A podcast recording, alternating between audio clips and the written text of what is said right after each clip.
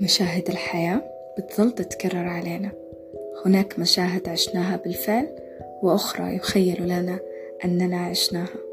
والغريب في الأمر أن كل مشاهد العمر قد وردت علينا منذ كنا في بطون أمهاتنا. وفي هذا البودكاست سنحاول معا أن نعيش كل المشاهد والمشاعر بطريقة فلسفية شاعرية وأن نخوض تجربة فريدة من نوعها.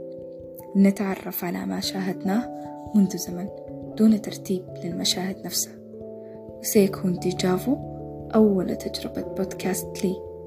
أتمنى أن تنال إعجابكم. معي أنا ابتهال صلاح.